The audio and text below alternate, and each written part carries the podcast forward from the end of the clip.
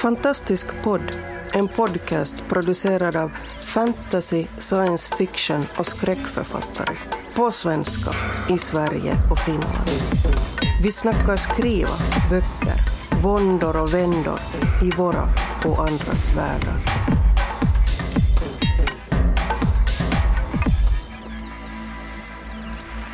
Hej och välkomna till ännu ett avsnitt av Fantastisk podd. Det här är eh, Stockholmsgänget som samlas. Och det är jag, Oskar Källner. Och med mig har jag Anders Björkelid, Boel Berman och dessutom den stora glädjen att få presentera en ny medlem i vårt team. Nämligen Marcus Sköld. Välkommen! Tackar, tackar! Hurra! Välkommen! Välkommen! Ja, tack! Ja, det är väldigt kul att ha dig med. Det känns Ja. gott att ha fått utöka vårt eh, team ännu nu när eh, Erik eh, tyvärr inte är med oss längre. Ja, och nu känns vi väldigt mångsidiga, gör vi inte det? Här, Marcus, du kom in med riktigt rejält mycket skräck här hoppas vi. ja, precis. Det kanske bre breder ut eh, vårt expertisområde en aning. Jag har ingen aning här. Ja, vad, kan du berätta lite grann om dig själv? Eh, vad du har skrivit och kanske lite vilka böcker som finns där ute för de som är nyfikna och sådär. Ja, eh, precis. Jag, eh, skri- det, det mesta som jag skriver tenderar att dra åt skräckhållet och eh, jag eh, debuterade 2012 med en eh, skräckroman om varulvar i Norrland som heter Där ute i mörkret. Och eh, nu i år så kommer min andra roman, eller den kom i augusti, som heter Kalldrag och det är en, eh, det är en spökhistoria i bruksortsmiljö Eh, alltså, som handlar om en Stockholmsfamilj som flyttar till eh, en liten ort i eh, södra Norrland i Bergslagen eh, och eh, flyttar in i ett hus som eh, visar sig ha en ganska jobbig historia kan vi säga. Och eh, däremellan så har jag skrivit eh, lite noveller. Jag eh, har skrivit lite science fiction, eh, varit med i eh, Maskinblod 2, Maskinblod 3. Ja, alltså du och jag och Boel, vi har ju delat eh, platsen lite i antologier. Ja. Jajamän! Förlåt, jag, jag, sitter, jag, jag fastnade nu. Nu håller jag på att fundera på hur 17 Bergslagen kan ligga i södra Norrland. Där fastnade jag. Jo. Vänta. Det, Förlåt Marcus. Menar du att det är norra Norrland? Övernaturligheter! Nej, men hur kan Bergslagen ligga i Norrland överhuvudtaget? Men, Jo, jag, jag, är, eh, jag är uppvuxen i Gästrikland och eh, jag kommer att slåss med alla som säger att Gästrikland inte hör till Bergslagen. Så, jaha, så Gästrikland ses som... Jag är ju från Dalarna så att Bergslagen för mig är någonting som är söderut. ja, ja, Ja. jo, okej. Men kan vi säga att du är lite lost in time and space så att du eh, Ja. accepterar detta, Ja, men d- denna jag- overkliga och ona, onaturliga? Jag är helt med på den här förklaringen nu. Okej, bra. Ja. Men Marcus, eh, innebär det alltså att eh, Kalldrag, du har hämtat inspiration från eh, din egen uppväxtmiljö och så till den boken eller? Ja, precis. Jag är uppvuxen som sagt i, i ett litet samhälle som heter Hofors som ligger mellan Falun och Gävle. Och eh, det är ja, framförallt så är det själva miljön runt omkring med en massa gapande dagbrott som finns ute i naturen där som gav de första idéerna till, till boken. Eh, och sen så finns det dessutom den här familjen som flyttar från Stockholm och flyttar in i en sån direktörsvilla i det här lilla samhället då, som jag har kallat för Gränshammar i boken men eh, egentligen bara en tunn förklädnad för Hofors som är min uppväxtort. Okej. Och eh, i Hofors så finns ett stålverk och det här stålverket har haft sin storhetstid eh, någon gång runt eh, ja, förr, 50-talet, 60-talet kanske någonting sånt där. Och eh, på den tiden så byggde man en hel del ganska så eh, imponerande direktörsvillor för de här cheferna på stålverket. De här villorna finns kvar i Hofors. De står och är helt öde och eh, i någon mån förfaller lite grann. För att alla som jobbar som, som chef på stålverket idag de bor hellre i Falun eller i Gävle. Så att de finns, eh, men de finns eh, fortfarande kvar. Och det är just en sån direktörsvilla som jag blev inspirerad till att koppla ihop med den här gamla gruvdriften och dagbrotten som finns där i, i trakterna. Jag förstår, spännande. Häftigt. Ja. Du har ju annars haft en viss bredd eh, då på det du skrivit. Så det första var med varulvar uppe i eh, Norrland. Sen de här antologierna som vi eh, varit med i, där, där har du ju mer haft så här eh, science fiction, skräck, lite så här zombie och eh, alien-inspirerat. I alla fall min tolkning av det. Ja, Och sen så, och sen så har vi det här kalldrag nu då, så kanske lite mer eh, nu har du inte riktigt avslöjat vad det är för typ av eh, skrämmande varelser eller vad det är för något som ligger bakom. Men kanske lite mer åt det klassiska, mer, mer spök kanske, vad vet jag. Eh, men, men, men en, en viss bredd i alla fall. Är, är det någon del här som du tycker extra mycket om eller känner du att du lika gärna är ute i yttre rymden som du är i Norrland? Ja, jag, jag, är nog det. Jag, jag är ju väldigt förtjust i, i väldigt många delar av, av det som, som klassas för fantastik oavsett om det är science fiction eller, eller eh, skräck, rysare, eh, vampyrer och varulvar, zombier. Eh, hela Nej men det är inte acceptabelt. Nu måste du välja här, Norrland eller rymden. Så länge, det händer, så länge det händer hemska saker där så tycker jag att det är helt okej. ah, Okej, mm, mm. ja, jag får acceptera det. Kan Det- du tänka dig att skriva en uh, feel good roman någon gång? Ehm, jag, jag har väldigt svårt att tänka mig att det skulle fungera faktiskt. Men, men därmed inte sagt att, att eh, nej förresten det är, är helt uteslutet är det ändå inte. Det tycker jag inte. Det är, Roman i Norrland med aliens. Att, att, bara för att någonting är feel good så betyder inte det att hemska saker kan hända på vägen, eller hur? Det är sant. Någon som vet en feelgood-roman med övernaturligheter? Oj, det finns väl massor men jag kommer inte på någon just nu. Alltså förutom The Liftarens guide till galaxen, men liksom, ja.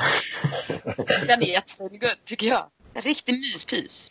Jag kommer bara att tänka på någon sån där gammal uh, Travolta-film där han spelar uh, ärkeängel Gabriel typ. Ja, ja visst. Det är Patrick, Patrick Swayze i Ghost. Ja, romcoms finns det nog ganska många med liksom övernaturligheter i och för sig. Hmm. Ja, det Sabrina. T-Witch är ju feelgood eh, magi kan man säga. Det är sant. Ja, absolut. absolut. Det, det är väl det vi tar på NaNoWriMo då, Marcus? Ja, precis. Hur fruktansvärt kan vi göra det och ändå kännas som feel good? Det känns som en, en lämplig utmaning. Yes. Men hörru du, uh, din senaste bok, uh, Kalldrag, Yes! den har du ju eh, fått utgiven via Hoj förlag. Och nu tänkte jag göra en liten sån här eh, övergång från eh, att prata om eh, Marcus att prata om eh, förlagsbranschen. Vi lever ju i en spännande tid där det gamla förlagsmonopolen sedan eh, länge, ja sedan länge, sedan länge, det är typ senaste fyra åren typ, eh, in, in, inte längre har riktigt samma dominans som eh, de hade en gång i tiden. Ny teknik som print on demand, billigt lasertryck och e-böcker med mera har ju gjort att den som är ambitiös och vill själv kan ge ut sina saker. Eller det dyker upp massa olika hybridförlag där man kan ge ut också. Och du har gett ut en senaste på Hoj. Skulle du kunna berätta lite grann vad Hoj är för typ av förlag och hur det kommer sig att eh, du gav ut den där igenom? Ja, eh, Hoj är ju då ett, eh, det är ett så kallat hybridförlag eh, och det vet att det finns eh, flera olika förlag som, som eh, åtminstone själva klassar in sig i den eh, benämningen. Men eh, vad det innebär egentligen är att eh, förlaget fungerar i stort sett som ett vanligt traditionellt förlag på alla sätt. De har en, en antagning, de, de behöver De väljer och vrakar bland manus. Precis, de väljer och vrakar. Man, vem som helst får inte bara skicka in sitt manus och få det utgivet utan de, de har en urvalsprocess där eh, en av deras lektörer läser manuset och bedömer om det är tillräckligt bra för att ges ut. Och eh, sen så har de alla de här vanliga, eh, så, ja, vanliga det, det, det som den traditionella förlagsbranschen erbjuder det är man får en förläggare, man får en redaktör som går igenom manuset flera gånger. Eh, det är korrekturläsare, de har eh, omslagsdesigner som tar fram ett eh, omslag, de har införsäljning till bokbranschen och så vidare. Och, och, det, och det är ett väldigt snyggt omslag så att säga på kalldrag. Riktigt tjusigt. Ja, jag är väldigt nöjd faktiskt. Eh, och eh, den enda skillnaden egentligen är att eh, man som författare finansierar sin egen utgivning. Och som gengäld för det så får man en, en betydligt större del av, av royaltyn sen när, när boken väl börjar säljas. Ja, hur är det nu? Det är väl något sånt där, i, för ett vanligt traditionellt förlag då får man ju som författare typ 25% av F-priset. Men på ett hybridförlag, där får man eh, i, i Hoisfile och det, det, står på, på hemsidan också att det är fram tills det att man har fått tillbaka sin investering tills man har gått break-even så får man 100% av royaltyn. Ja. Och eh, när man väl har nått break-even så delar man det så att det är 80-20 så det är 80 till, 80% till författaren. Okej. Okay. Så det är ju den, ja, det, det, det är det som man får för, för den här risken man tar då. Den egna personliga risken finansiellt sett. Mm, just det. Så, det, så det, man kan säga att ett uh, hybridförlag det är hög risk men också hög avkastning? Ja, precis. Om det, det kan man säga. På samma sätt som egenutgivning till exempel då. Ja, precis. Ja men vad spännande. Mm. För, för du, du, Anders, du är väl mer så här eh, mer traditionellt förlagd, eller hur är det? Hallå, efter din pitch med liksom så här, de gamla drakarna vågar man ju inte säga det. Men alltså, det är inget fel. Ja, jag, jag bara har ju natur och kultur. Liksom. Inte alls. Det var många bra saker. Just som uh, införsäljning till bokhandel och marknadsföring och sådana grejer. Ja, nej, jag, jag, jag, bara, jag bara busar och bråkar. Så, eh, Anders, förlåt, berätta. Ja, jag känner mig inte påhoppad. Jag, jag är ju på nat natur och kultur är det som jag eh, kör med för närvarande. Och, men jag, jag, har ju haft, jag har ju egenpublicerat också så att eh, mindre lyckat kanske än vad säger Oskar har gjort. Eh, jag skrev väldigt, ett par väldigt pretentiösa böcker tillsammans med Jonas Andersson eh, innan dess. Och sen gjorde vi både, var vi på Eriksson och Lindgren ett tag också, gjorde bilderböcker. Så för fantastik med eh, tidsresor i barnboksmiljö. Men nu är det natur och kultur så att så från Eriksson och Lindgren så har jag ju liksom varit på de traditionella förlagen. Ehm, och med, med, de traditionella förlagens risker, Eriksson och Lindgren som jag var på, det köptes ju upp av Norstedts och lades ner sådär hastigt och lustigt. Och det är ju också en av riskerna där liksom i dem. De är lite mer lovliga byten. Jag misstänker att hybridförlagen inte köps upp på samma sätt. Det kan finnas ett, de kommer under radarn kanske. Man vet ju inte. Storyside köper ju upp allting nu för tiden. Mm. Ja, precis. Det. Men det, det, innebär ju att, att jag inte riskerar någonting. Men som sagt, som Oskar säger så får man ju någonstans i storleksordning 25 procent i, i ROY på F-priset. Men förhandsroyalty får man ju också förstås. Just. Man får ett förhandsbelopp på halva royaltyn.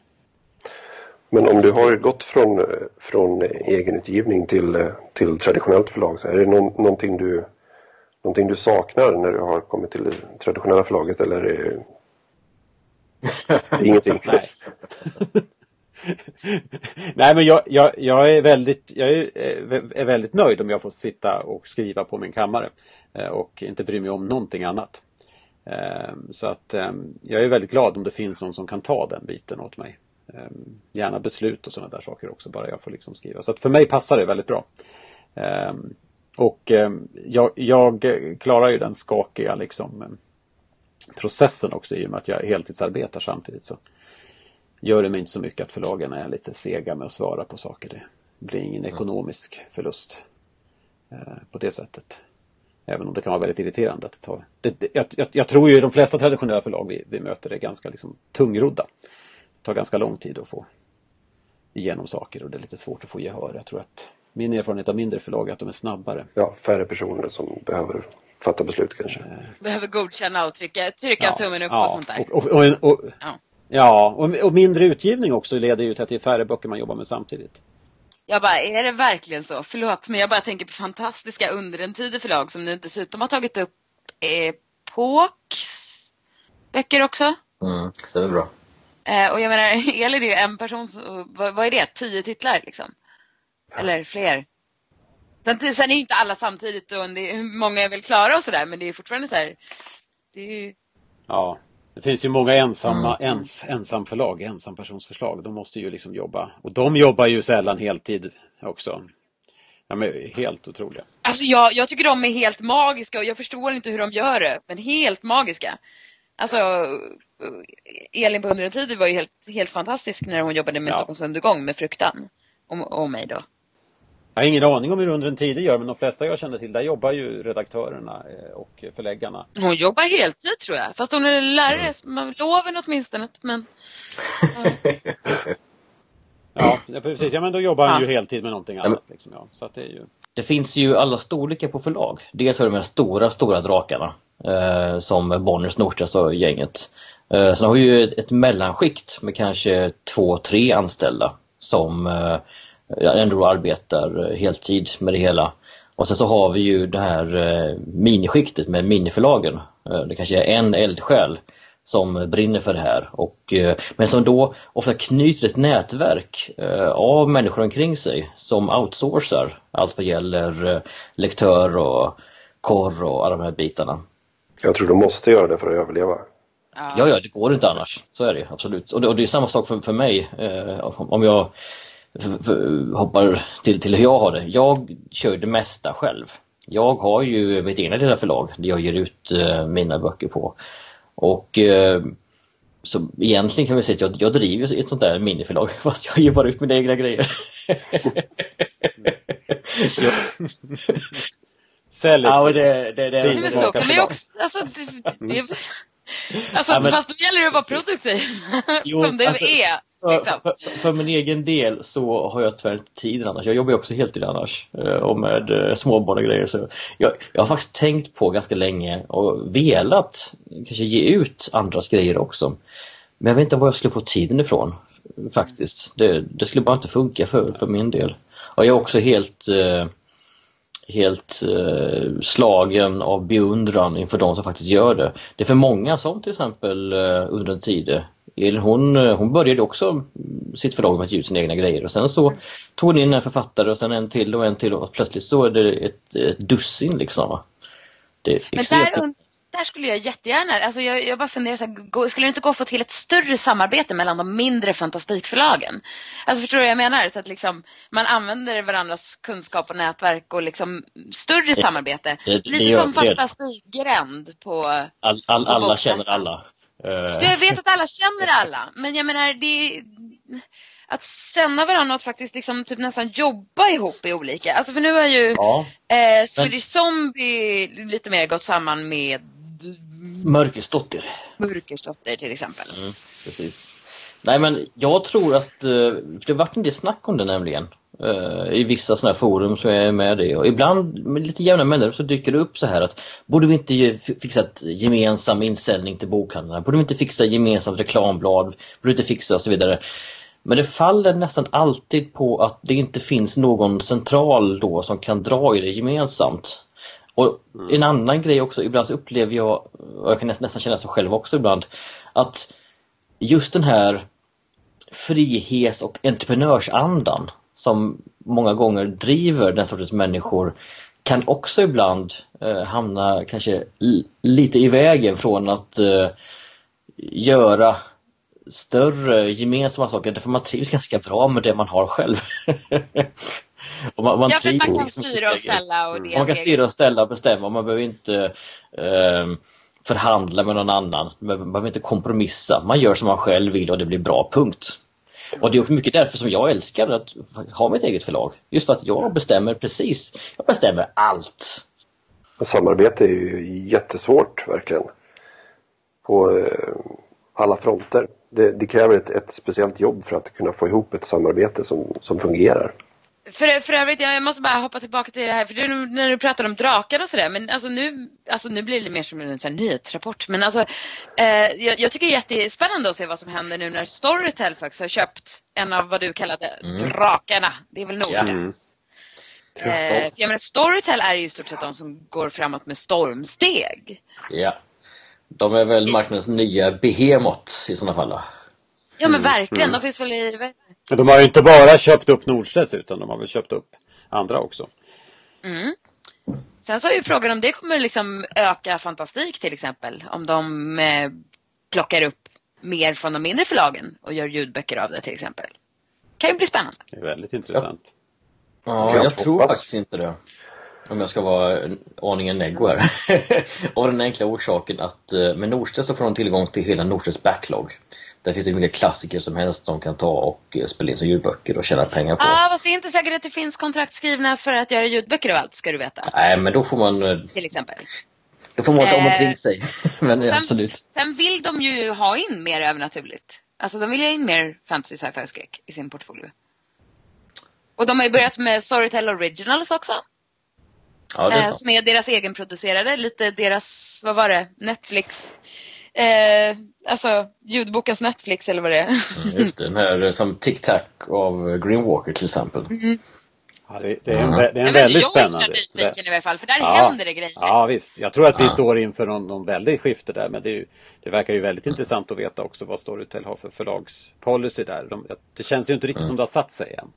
Vad de vet och vad de själva vill. Och det, det jag har hört är ju att de inte riktigt heller har helt klart för sig vilka deras läsare i nuläget är. Eh, och är lite diffus på vad, vilka de ska vilka det är de är på väg till. Det här kommer ju, det kommer ju antagligen att sätta sig väldigt tydligt om ett tag. Men, men ehm, det, det, vi står nog liksom, tror jag, i en sån där tipping point. Jag, jag tror inte de sätt. är ute efter specifika läsare. Jag tror att de vill ha, att de vill vara som alltså Spotify fast med ljudböcker.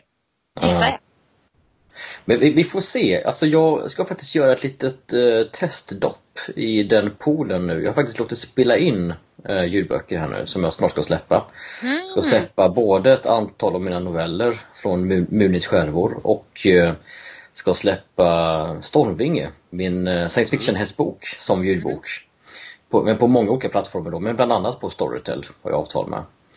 Eh, så vi får väl se, jag kan återkomma om några månader och berätta Det tycker jag hur- absolut. hur, hur det går. Alltså på tal om det och förlag och sådär, det är så himla roligt. För jag fick något mess på Facebook någon gång från, från Kalla kulor och så bara, vi tänkte göra din bok till ljudbok. Jag bara, vad skoj! och så fick jag ett mail s- från, från eh, em, förlaget som gjorde ljudboken. Hej, nu är din bok uppe på Storytel. Oj. Och, och en massa andra. Jag bara, vad skoj! Sådär. Mm. Ibland är man inte Eh, med hela Och vägen. det gick några månader däremellan och jag, hade i stort sett in, glömt bort det nästan. Så att, Ja. det var Men, surprise. men Men- men Boel, Boel, Boel, har ju inte Boel, ja. berättat. ja. Nej, Ja. precis. Hur har du eh, ordnat med förlagen? Jo men det är skoj. eh, nej men alltså jag har ju, jag har ju gett ut en bok och, och, den var ju på Kalla Kulor förlag. Eh, super, supergulliga nördar som tog mycket väl hand om mig. Det är ju ett litet förlag. De är väl tre, fyra pers max nu. Så, då var de tre. Eh, men sen har jag gett ut noveller precis som eh, både du Oskar och Marcus här. Det är ju Affront och sen så gav vi, var jag med i novellsamling Stockholms undergång. Det var ju på Under en tid förlag. Sen så var jag med i novellsamling på ETC förlag. Ehm, Fria ligan håller jag och Marcus på och deltar i en novellsamling. Just det. Eh, just ja Marcus, du har ju publicerats på Swedish Zombie också. Ja, det stämmer.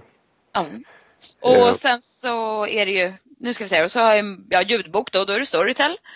Eh, och sen har vi, publicerar vi texter och noveller på eh, Fruktan och via det ljudnoveller på iTunes och alla möjliga och på Spotify.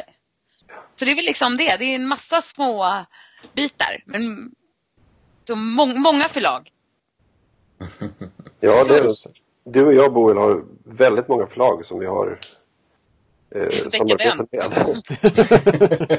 Potentiellt väldigt många förlagsmiddagar som vi kan gå på. Uh, alltså, alltså jag har ju också grejer ute kanske, jag vet inte hur många antologier det är nu. Uh, 8, 10, 12, jag minns inte riktigt hur många det är. Uh, och många samma antologier som ni har varit i. Uh, men, men det jag gillar med dem är ju det att och det, det följer återigen tillbaka på det här, eh, min eh, frifräsarsjäl. Att i kontrakten på många av dem så eh, behåller man ju rättigheterna. Vilket innebär att jag sen då kan göra vad jag vill med de texterna utan att behöva vänta fem år. Så eh, jag kan ge ut dem själv min egen novellsamling, jag kan eh, läsa in dem som ljudböcker och kan göra vad, jag- egentligen vad jag vill med dem. För, förutom två stycken e-noveller som är utgivet via Mix förlag, Bonniers-imprintet. Mm bon, Bonniers de försäkrar sig alltid om eh, här, fem år på allting. Eh, Ja, det, är- det är väl lite klurigt också så här, alltså typ överhuvudtaget internationellt, alltså amerikanskt och sådär. Nu har ju inte jag jobbat så mycket mm, alltså, själv, men, men där är det ofta att de vill ha ja, risken är att de vill ha alla rättigheterna eller att de vill liksom ha det väldigt lång tid. Mm. Då får man ju liksom väga fördelar mot nackdelar. Hur gärna man vill ha det publicerat. Mm. Mm. Alltså, nu, kanske det låter som att jag bara sitter här och sjunger eh, egenutgivningslov. Eh, och delvis är det väl sant. Men jag kan ändå säga det som jag faktiskt saknar. Det som jag önskar att jag hade lättare tillgång till. Och det är ju det som de aningen större förlagen kan erbjuda, nämligen just insäljning till bokhandlar och marknadsföringspott på det. Alltså allting annat kan jag fixa. Jag kan hyra in redaktör och korrläsare, jag kan, eh, jag kan eh, hyra in en layoutare som fixar boken, jag kan hyra in omslagsillustratör och grafisk designer, whatever. Men de här upparbetade kanalerna som de stora förlagen har och de upparbetade eh, kanalerna för att få ut marknadsföringen, det är någonting jag verkligen saknar. Så Hur, hur roffar man åt sig det då? Hur går man tillväga? jag vet faktiskt inte. Jag tror att det kanske fortfarande är de stora trumfkort på något sätt som gör att de fortfarande är att- attraktiva. Där är det väl kanske, det är väl kanske där det kommer att stå och falla om man, man måste ha ett samarbete med många småförlag. För jag tänker att en, en, eh, en flaskhals där måste ju vara bokhandeln. Eh, Och bokhandeln kan väl antagligen rimligen inte liksom ha hur många möten med, med förlagsrepresentanter om året. Så de trivs väl gärna med att ha liksom samlat då och då. Fast det är ju inte Eh, bara att, eh, bokhandel. Alltså jag tänker bara så här överhuvudtaget. Jag menar, alltså. De gånger min bok pushades som mest var nog inte på grund av marknadsföringsbudget överhuvudtaget. Utan det är för att någon har övertalat någon att läsa min bok. Ja. De har gillat den och då har det så här kanske promotats på Adlibris, du vet kommit med ett nyhetsbrev, ehm, blivit rekommenderat i alla pocketshop, alltså sådana saker. Eh, och då, mest för Men att då någon måste du ju ha den. Du måste ju ha den i Pocket Shop och du måste ha den. Precis. Det är ju det. Precis. Om du inte kan få ut dem dit, sen är ju den andra grejen, men det måste ju Fast, hamna fast där den blev också. ju uppköpt, eller den blev uppköpt, den blev köpt till Pocket Shop just Ja. därför att en person gillade boken. Ja, Alltså det var ju hon, alltså inköpschefen som gillade boken. Och därför så kom den in. Så att jag tror alltså det var säkert mycket övertalning för att få den att läsa en okänd bok. Men, Mm. Jo, men det, Men det kanske ändå var så att, nu känner jag inte till processen, det kanske ändå var så att de på kalkyler ändå eh, kände den in, inköpschefen och hade liksom lite koll och sa Hej, titta här en ny bok, vill du testa, vi titta på den? absolut, säkert. Och så kanske de visste vad, vilken typ av böcker som uppskattades av den personen och tänkte Precis. att den här kanske passar. Precis. Så. Jag vet, jag vet inte hur, hur det går till men jag, eh, jag tror inte att det är någon hemlig eh, inköpsklubb som de här eh, kedjorna har utan det är, eh, de har ett par inköpstillfällen per år där ja, alla förlag i princip, antar jag, jag vet inte om det stämmer men jag har fått det intrycket att man kan åka dit och eh, förbereda säljblad för sin bok och eh, försöka få den insåld. Mm. Och det är JB-gruppen och Ugglan och eh, Akademibokhandeln. Men sen visst, man har nog mer tyngd om man till exempel har, har kända namn eller en, en stark portfolio. Att man kanske kan göra paket. Ni får det här om ni också tar in den här. Det, Ja, det går säkert att... um, Men jag, vi sitter ju och gissar här, vi vet ju inte riktigt. jag åker ju på sådana här säljmöten ibland. Eh, och då är det ju hela förlagets författar. Det, det de liksom försöker pusha för för tillfället och så träffar man och så Mm. representanter för bibliotekarier eller representanter för bokhandlare eller representanter för säljare. Så att det, det är väl den typen av muskler som stora förlag kan spänna misstänker jag. Liksom att ta in en stor hög människor de vill påverka på en gång och möta dem med en stor hög författare. Liksom. En annan grej där också är det att eh, bokhandeln köper nästan aldrig in grejer om de inte ligger på typ förlagssystem eller någon annan stor bokdistributör. Och det är inte alla miniförlag som har råd helt enkelt att ha liggande där. Eh, Så det är också en grej att man behöver växa till en viss storlek och få en viss ekonomisk eh, likviditet. Det är innan där jag eh, känner att jag gillar, jag önskar att de mindre förlagen kunde gå samman för då skulle ju alla kunna vara där Mm. Men i alla fall, men det, det var nog helt annat nu här som jag tänkte ta upp och det var just om egenutgivning faktiskt. Tillbaka till den, om jag får. Ja, ja.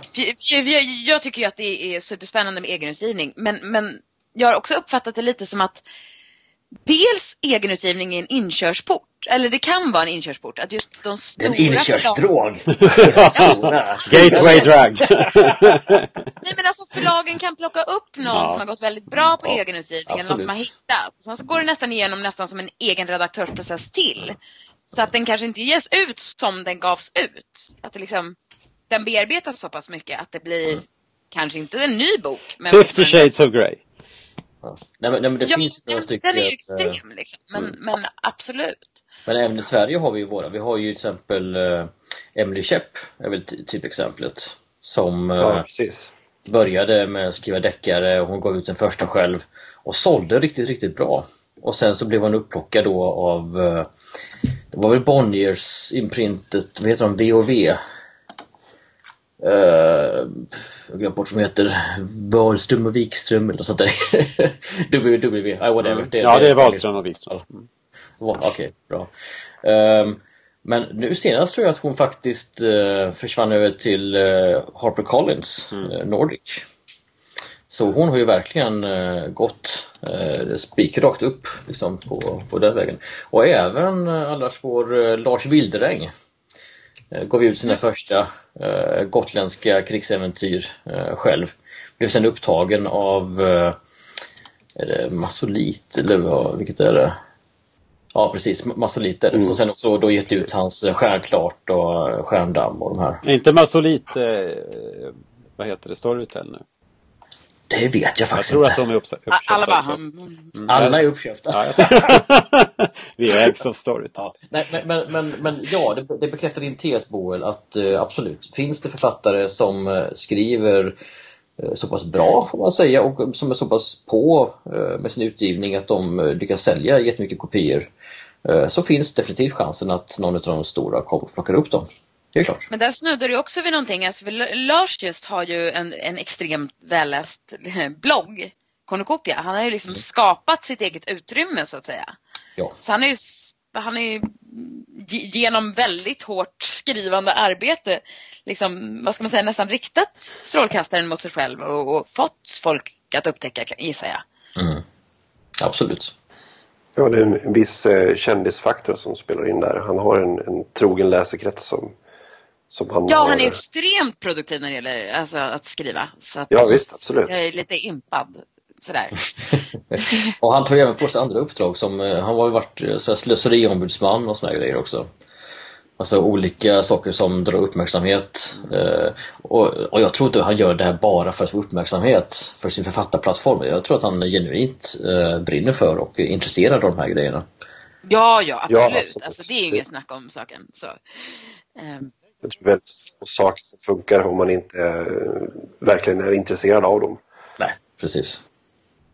Utmana mig inte, då kanske jag startar en modeblogg.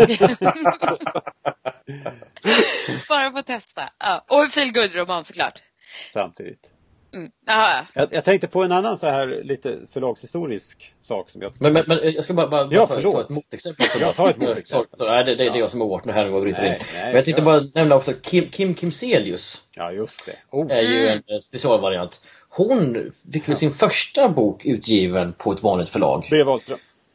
Eh, Det var vad som kanske ja. Ja, och den sålde jättebra och sen så blev det någon riktig fnurra på tråden för bok två. Eh, Så det blev liksom inget vettigt av det. Och sen har hon kört egenutgivarspåret rakt av och gett ut, jag vet inte vad hon är uppe i nu, 20-30 böcker. Hon bara, hon bara producerar ut dem det är där. så bara- roligt. Det är omvänd, det är omvänd situation kan man säga då. Ja. Istället för att hoppas på att slå igenom och bli upplockade av de stora så Man upplockade de stora Ja. och sen bara nu rymmer jag, nu gör jag en Oscar Källner. Fast jag har ju aldrig varit upplockad. Men, men, men och intressant nog, hon är, jag såg bara häromdagen, så hon är en av två författare i, eh, var det Blekinge hon bodde i? Eller var det Bohuslän? Jag kommer inte ihåg. Ah, whatever, där hon bodde. Som eh, faktiskt kunde leva på Mm, sitt mm. skrivande. Hon är ju ett universum i sig själv liksom. Helt Ja, hon är faktiskt det. Ja, Hon är ja, faktiskt det. helt otroligt. So, sorry Anders, förlåt. Ja, men det hakar tag väldigt bra i det här med att bli upplockad. Jag tänkte också någonting som, som förlagshistoriskt upplever jag i alla fall har förändrats med de stora förlagen. Är att, eh, längre bak i tiden så, så fanns det en väldig, ett väldigt ansvar från större förlag att man odlade författarskap. Eh, att var du antagen på ett större förlag så, så fortsätter du och ger ut dig liksom mer eller mindre osett. Mm. Eh, och eh, har du några dåliga år så räknar man med att man liksom kan coacha upp dig på bättre år så småningom. Att det, det, nu, nu är ju den liksom väldigt, den tröskeln liksom att bli, eh, att bli släppt från ett förlag är ju mycket eh, lägre kan man säga. Det, man kan inte räkna med att man blir utgiven igen även om man givetvis har en, en viss fördel av att blivit utgiven förut. Men det, där tycker jag liksom de små förlagen kommer in liksom och tar ett ansvar för, för läsaren. Eh, jag blev utgiven i Danmark först på, vad heter de, JP Politin. Eh, förlåt alla danskar som lyssnar.